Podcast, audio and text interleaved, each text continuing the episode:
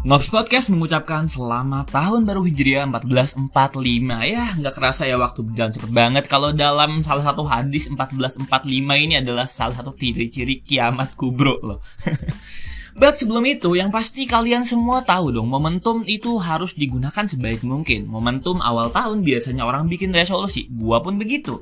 Karena gua tahu gua banyak kurangnya Banyak uh, ya seperti kurang skill, kurang kreatif, kurang disiplin dan banyak main-mainnya ataupun terlalu terlambat kalau mau mulai sesuatu dari usia sekarang. So, yang mau gue lakukan adalah habit yang baik. Gue mau membangun itu. Gue start dengan karya yang moga akan dicacati di ini setahun ke depan. Seperti ini contohnya. Dan moga gue istiqomah buat berbagai konten-konten ke depannya. Dan gue buat coba ini agar nggak banyak ekspektasi ya karena ya banyak terbebani ekspektasi sebelum sebelumnya mbak.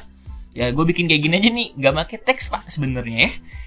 Uh, ataupun tercemari dari apa pun kata-kata orang yang bikin biasanya itu ngelek ngelek ngelek proses netting dan kawan-kawannya itu. So karena meski cuma modal berani, gue tahu hanya butuh satu langkah kecil untuk sebuah tujuan besar.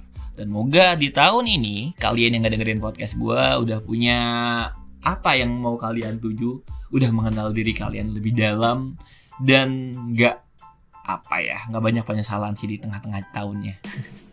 ya, selamat tahun baru. Semoga menjadi pribadi yang baru lebih baik dari sebelumnya. Makasih.